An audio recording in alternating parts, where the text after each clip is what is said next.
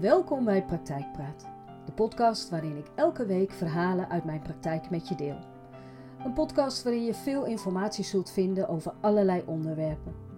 Mijn naam is Angelique van der Wetering, therapeut, mindset coach en spreker. Mijn grote liefde heeft alles te maken met bewustzijn en mindset. Mensen bewust maken en in beweging brengen, dat is mijn grote passie. Ik heb het allermooiste vak van de hele wereld en ik neem je dan ook graag mee in de verhalen uit de praktijk. Ik wens je veel inspiratie. In deze aflevering vertel ik het verhaal van Mark. Mark heeft veel last van negatieve gedachten en het lukt hem niet altijd om deze om te zetten in positieve gedachten. Zijn mindset is veelal negatief. Met mindset bedoel ik de manier waarop je denkt, positief of negatief, in mogelijkheden of in beperkingen maar ook de overtuigingen die je hebt. Waar geloof je in? Voor Mark was het lastig om een positieve mindset vast te houden. Zijn mindset was voornamelijk gebaseerd op negatieve overtuigingen. Tegenover mij zit Mark, een tengere man met een timide blik. Zijn houding is gesloten. Wat maakt dat je hier bent? Ja, dat klinkt misschien een beetje gek, maar dat hoop ik hier uit te vinden. Ik ben namelijk niet ongelukkig, maar ik ben ook niet gelukkig. Mark haalt zijn schouders op. Vertel eens iets over waar je vandaan komt. Uit wat voor gezin kom je bijvoorbeeld? Hij kijkt me aan en schuift wat ongemakkelijk op zijn stoel heen en weer. Goh, ja, uit wat voor gezin kom ik? Dat dit voor Mark blijkbaar al een lastige vraag is, vertelt mij al iets. Nou, ik heb lieve ouders gehad. Ze leven allebei niet meer, maar ik denk dat dat wel klopt. Ik ben enigst kind en heb denk ik daardoor ook wel alles gehad. Ja, dat was het wel zo'n beetje. Zijn ogen staan onzeker op mij gericht. Ik begrijp dat wanneer dit jouw omschrijving van jouw jeugd is, je niet ongelukkig bent, maar ook niet gelukkig. Zijn ogen worden groot. Ik zal je straks uitleggen wat ik daarmee bedoel. Eerst wil ik je een aantal vragen stellen. Wie was jij als jonge jongen? Je zegt alles wel te hebben gekregen, maar wat waren dat dan voor dingen? Was het wat je nodig had? Voelde je je gelukkig? En zagen jouw ouders wat je nodig had? En konden ze jou dat ook geven? Wat vonden jouw ouders eigenlijk belangrijk? Had je dromen? Ben je geworden wie je wilde zijn? Ben je gaan doen wat je wilde doen? Mark schuift zijn stoel een stukje achteruit. Jeetje, wat een vragen. Ik weet niet zo goed wat ik hierop moet zeggen. Zit er een vraag tussen waar je zo antwoord op kunt geven? Hij schudt zijn hoofd en zegt: Nee, niet direct. De vragen overvallen mij ook. Ik ben daar nooit zo mee bezig geweest. Het zijn allemaal vragen die mij kunnen vertellen wie jij bent en waar je vandaan komt. Wacht. Ik pak een schrijfblok en schrijf alle vragen die ik zojuist gesteld heb op. Ik schuif de vragen naar hem toe en ben benieuwd wat hij hiermee gaat doen. Mark staart naar de vragen. En nu? Wat wil je dat ik hiermee doe? Wat zou jij mee willen doen? Het blijft even stil. Eerlijk? Verkreukelen. Ik vind het eerlijk gezegd een beetje zweverig al deze vragen. Of ik dromen heb. Uh, of ik gekregen heb wat ik nodig had. Of ik geworden ben wie ik wilde zijn. Sorry, maar ik kan hier niet veel mee. Ik knik. En dat, Mark, is onderdeel van het probleem. Want al deze vragen kunnen mij niet alleen vertellen wie je bent en waar je vandaan komt, maar jou ook. Weten wie je bent, wat je wilt en hoe je daar gaat komen is een groot onderdeel van gelukkig of ongelukkig zijn. Wanneer je geen antwoord kunt geven op deze vragen en dus eigenlijk niet weet wie je bent en waar je heen gaat en je niet weet wat je doet en waarom, dan is de kans groot dat je je stuurloos voelt en het gevoel hebt dat het je allemaal maar overkomt en je er geen grip op hebt. Het blijft stil. Ik kijk Mark aan en zeg: Ik zie dat dit alles je overvalt. Deze vragen heb je jezelf blijkbaar nooit gesteld. Je hebt er nooit zo over nagedacht. En dat laatste wil ik je vragen om te doen. Denk hierover na. Neem de vragen mee naar huis. Denk serieus na en beantwoord de vragen. En dan komen we hier de volgende keer op terug. Mark knikt en staat op. Hij kijkt mij even aan en trekt zijn jas aan. Ik sta op en leg mijn hand even op zijn arm. Mark, wanneer je grip wilt krijgen op je eigen leven, je gelukkig wilt voelen, dan zul je moeten ontdekken wie je bent. Je hebt nu de keuze en de kans. Niemand gaat dit voor je doen. Niemand kan dit voor je doen. Terwijl hij de deur uitloopt, mompelt hij: Ik zal erover nadenken. Ik kijk hem na terwijl mijn gedachte al bij de volgende stap is. Een manier vinden die bij Mark past om zichzelf te leren kennen. Wanneer je zo ver bij jezelf vandaan bent, dan kun je alleen nog maar stuurloos ronddobberen. En voor alles wat voorbij komt geldt dat je maar accepteert dat het er is, denkend dat je er toch niets aan kunt doen. Een week later word ik gebeld door Mark. Zijn stem klinkt opgejaagd en geïrriteerd. Ik zit muurvast en voel me alleen maar boos. Waarom moet ik hiermee aan de slag? Wat heeft het voor zin? Ik word er alleen maar geïrriteerd van. Dat kan toch niet de bedoeling zijn? Goed zo, antwoord ik. Het valt even stil aan de andere kant van de lijn. Hoezo goed zo? roept Mark geïrriteerd. Omdat groei alleen buiten je comfortzone plaatsvindt. Daar doe je dingen die niet gewoon voor je zijn en soms zelfs ongemakkelijk. Daar denk je na over dingen en daar ligt uitdaging. En dan kun je twee dingen doen. Je blijft in je oude vertrouwde comfortzone of je gaat het aan en onderzoekt wat daar buiten ligt. Weer is het stil aan de andere kant van de lijn. Ik laat het. Hoe? Vertel me hoe, want ik weet het niet. De vragen die je hebt gekregen. Ga daarmee aan de slag, maar dan op een andere manier.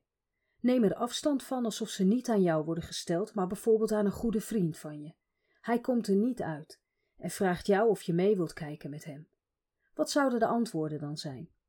Je zult ontdekken dat als je het op deze manier aanpakt, de vragen minder confronterend zijn en niet zo dichtbij komen. Wanneer Mark na een aantal weken weer tegenover mij zit, ben ik aangenaam verrast. Zijn ogen staan vastberaden en helder. Hoe gaat het met je? Onrustig. Ons gesprek en de vragen die ik heb meegekregen hebben veel losgemaakt. Ik heb bijna een hele week een enorme weerstand gevoeld. Ik heb je toen uit pure frustratie gebeld. Ik kwam er echt niet meer uit. En jouw advies heb ik letterlijk genomen. Ik ben gaan zitten met een goede vriend en we zijn de vragen voor hem gaan beantwoorden. Dit heeft me wel geholpen. Ik ben er nog steeds niet uit en zoek nog naar mijn eigen antwoorden, maar ik begrijp nu wel wat het nut hiervan is. Ik knik. Welke vraag triggert je en vind je lastig? Er zijn twee vragen die mij bezighouden en waar ik bij emotie bij voel. Je vroeg me of mijn ouders zagen wat ik nodig had. En je vroeg me of ik geworden ben wie ik wilde zijn. Hij staart naar zijn handen die op tafel liggen. Dat snap ik wel. Ik denk dat bij deze vragen de meeste weerstand wegkomt. Ze staan namelijk niet los van elkaar. Wie jij uiteindelijk geworden bent, is voor een groot deel gevormd door je ouders.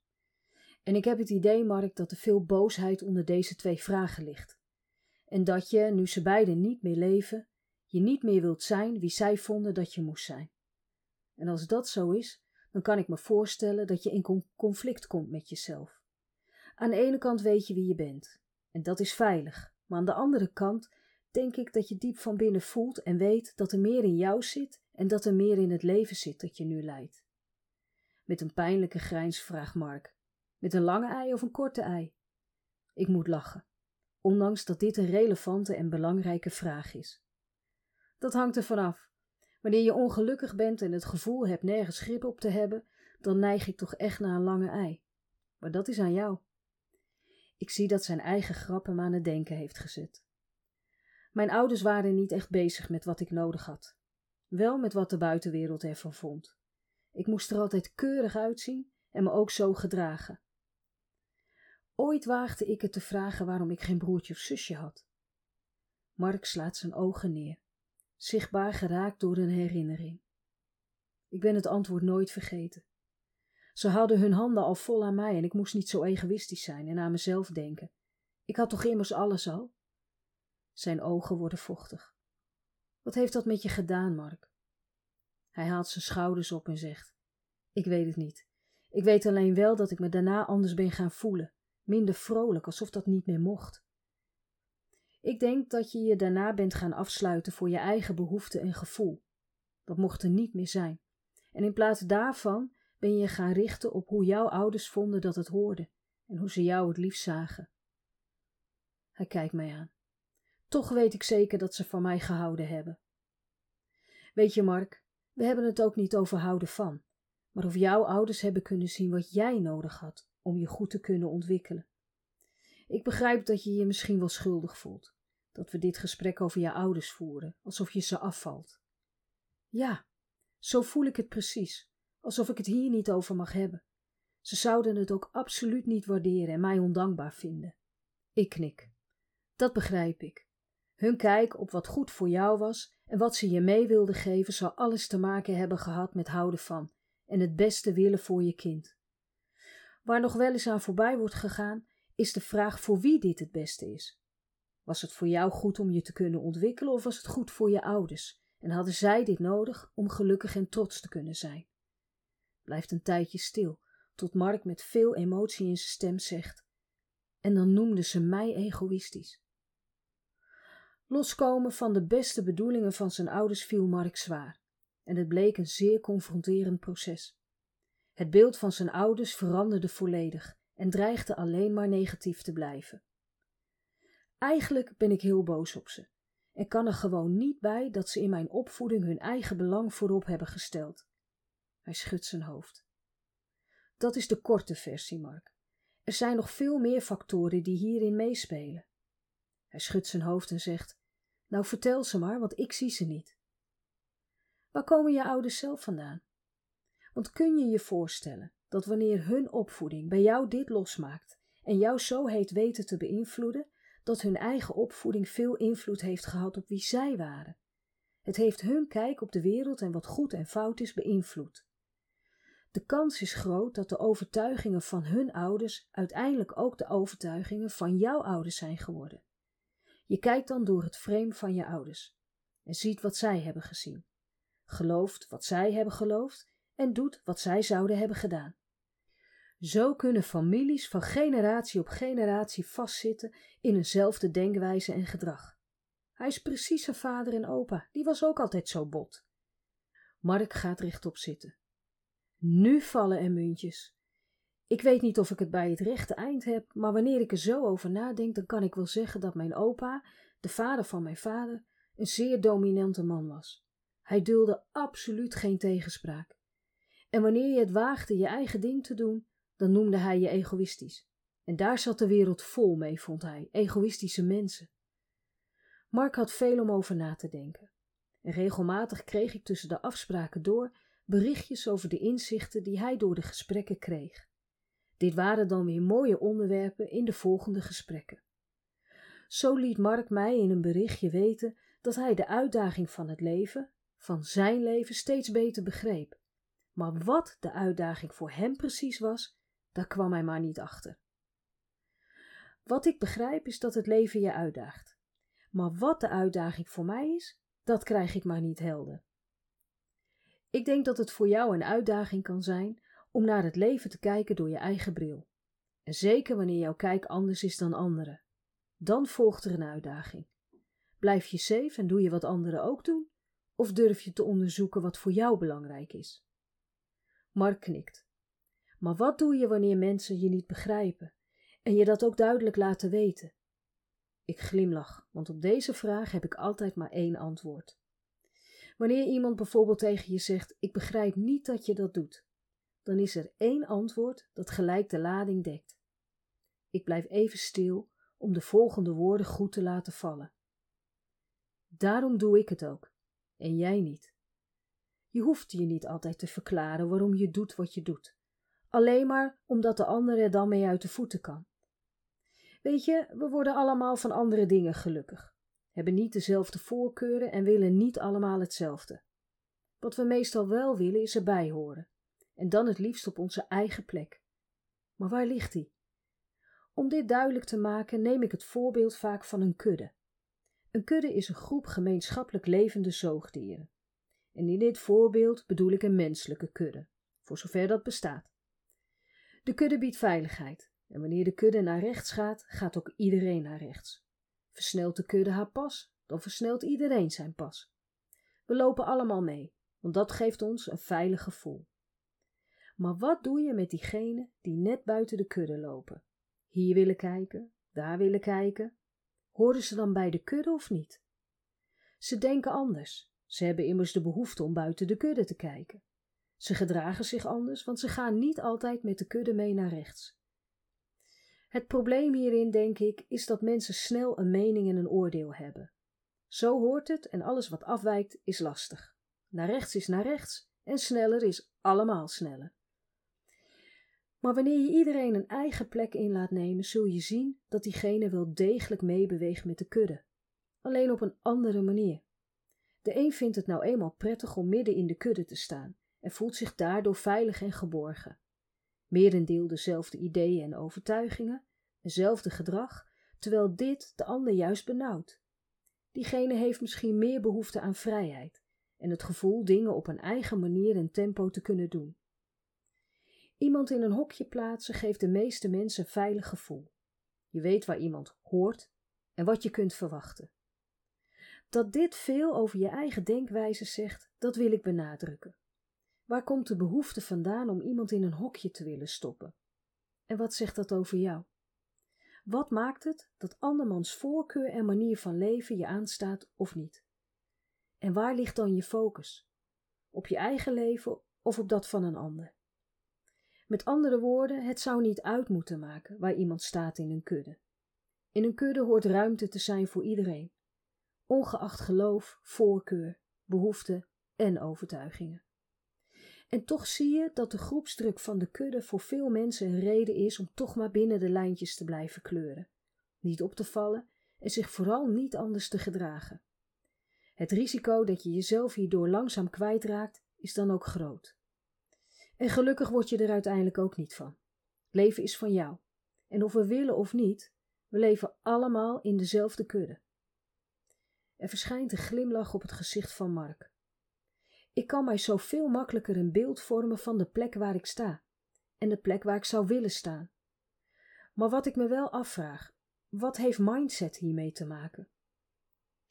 Je mindset vertelt hoe je denkt, waar je in gelooft en of dit positief of negatief is. En wanneer je uit veiligheid de kudde volgt, is je mindset gestoeld op angst. Je zult misschien veel angstgedachten hebben, en veel van die gedachten zullen beginnen met wat als en stel dat. Je zult niet snel in je eigen kunnen geloven. Sterker nog, daar ben je dan ook niet mee bezig. Je bent veel te druk met wat de kudde doet. Een positieve en op groei gerichte mindset is op zoek naar mogelijkheden, is nieuwsgierig, leerbaar en positief. Je mindset brengt je ergens of nergens. En ken je de uitspraak: je wordt wat je denkt? Mark schudt ontkennend zijn hoofd. Dit betekent zoveel als je gaat je gedragen naar je eigen gedachten. Stel, je hebt negatieve, argwanende gedachten. Dan zul je niet altijd het positieve van je ervaringen inzien en het met argwaan bekijken. Je bent gaan geloven dat het leven hard kan slaan en dat je maar beter op je hoede kunt zijn. Mensen kunnen je dan negatief en star noemen. Hij zoekt overal wat achter en is zo negatief, nooit een positief woord. En wanneer je positieve gedachten hebt, wordt je brein, staat je brein open voor kansen en wil vooral iets positiefs zien in de ervaringen die je opdoet. Als je denkt: ik kan dit, ik weet alleen nog niet hoe, zul je openstaan voor mogelijkheden. Mogelijkheden die je met een negatieve gedachtegang niet snel zult zien. Mensen zouden dan kunnen zeggen: die Mark is altijd op zoek naar positieve mogelijkheden. Hij is een positief mens. Dus als je gaat onderzoeken wie je wilt zijn, dan is het aanmeten van de juiste mindset enorm belangrijk. Wie wil je zijn, Mark? Ik zou een positief mens genoemd willen worden, maar ook iemand die altijd voor iemand klaarstaat. Dat laatste, dat triggert mij. Altijd voor iemand klaarstaan. Hoe gedraag je je? En wat doe je als je altijd voor iemand klaar wilt staan en je valkuil is: ik wil niet egoïstisch zijn? De opmerking van je ouders dat je egoïstisch zou zijn, heeft ervoor gezorgd dat je weinig aan jezelf hebt gedacht. Want aan jezelf denken is wel heel egoïstisch. De kans dat je in het klaarstaan voor de ander over je eigen grenzen gaat is groot. Welke gedachten heb je nodig om dit te kunnen voorkomen? Ik wil je vragen hierover na te gaan denken. Mindset. Mindset is alles en alles is mindset. Daar waar je bent in je eigen leven, daar heeft je mindset je gebracht. En wanneer je niet op de plek bent waar je zou willen zijn, wat heeft dit dan veroorzaakt? En nu zou je kunnen zeggen mijn eigen gedrag. Ik heb het gewoon niet gedaan. Wat in jouw mindset heeft ervoor gezorgd dat je het niet bent gaan doen? Welke gedachten of gedachten hebben dat in de weg gestaan? Heb je er niet in geloofd dat je het zou kunnen? En is dat de reden geweest dat je niet bent gaan onderzoeken of er misschien, misschien een manier was waardoor je het wel zou kunnen? Of speelde angstgedachten een te grote rol? Hoe graag wilde je het? Kon je genoeg redenen vinden om het te gaan doen? Of waren er meer redenen om het niet te doen? En nu? Ben je gelukkig op de plek waar je nu bent? Dit is jouw leven. Je kunt dit nooit meer overdoen. En wanneer je 95 bent, is er niemand die zegt: Oh, heb je spijt? Nou, dan mag je als je wilt terug naar die tijd, om het anders te doen. Nee, helaas, zoiets bestaat niet. Je moet het nu doen. Op welke herinneringen wil je, wanneer je 95 bent, terugkijken? Wat wil je dan zien? En hoe wil je je daardoor voelen? Vraag jezelf dat serieus af, want je hebt nu de kans om de herinneringen van later te maken. De herinneringen die je dan hebt, die moet je nu maken. Straks is het te laat. Straks komt altijd te laat. Voor Mark zijn alle vragen enorme eye-openers geweest. Hij heeft zichzelf gedwongen te kijken naar dat wat hij niet wilde zien. Hij heeft zijn eigen mindset onderzocht om zo een nieuwe route in zijn leven te kunnen bepalen. En deze route heeft alles te maken met zijn eigen mindset. Mark komt binnen met een doosje messie onder de arm. Hij geeft het aan mij en zegt: Dit is precies wat ik je wil zeggen. Dank je wel. Dank je wel voor alle denkwerk dat je mij bezorgd hebt. Zijn grens vertelt mij dat hij er de humor nu wel van kan inzien, hoe confronterend het soms ook is geweest. Ik ben gaan inzien dat ik niet als de oude Mark verder kan. Deze zou te pas en te onpas klaarstaan voor anderen om vervolgens te klagen dat iedereen maar over zijn grenzen gaat. Niet heel positief dan. Wat ik nodig heb zijn grenzen, maar dan wel mijn eigen grenzen. Tot hoe ver ga ik zelf? Wat vind ik belangrijk en maakt mij dat gelukkig? Ik kan ook niet verder als de oude Mark voor wat betreft mijn ouders. Ik heb veel boosheid gevoeld naar hen. Gelukkig ben ik dat kwijt, doordat ik ben gaan inzien dat ook zij ergens vandaan kwamen. Ik heb nu meer een spijtig gevoel. Ik kan ze het niet meer vragen. En met mijn oude mindset zou ik in dit gevoel zijn blijven hangen. Maar mijn nieuwe mindset zorgt ervoor dat het spijtige gevoel er mag zijn, maar dat het niet meer mijn route bepaalt. Het is dan misschien te laat voor alle vragen die ik heb, maar het is zeker niet te laat om mijn eigen route te gaan bepalen. Het is juist nu de tijd om dat te gaan doen. Wat word ik hier blij van? Mooi, Mark, heel mooi. Waar wil je heen? Wat neem je mee? Heb je het nodig? En wat laat je achter? Hij houdt triomfantelijk het briefje omhoog met de vragen die ik toen had opgeschreven voor hem. Haha, die vragen heb ik erbij gezet en zijn een reminder om koers te houden.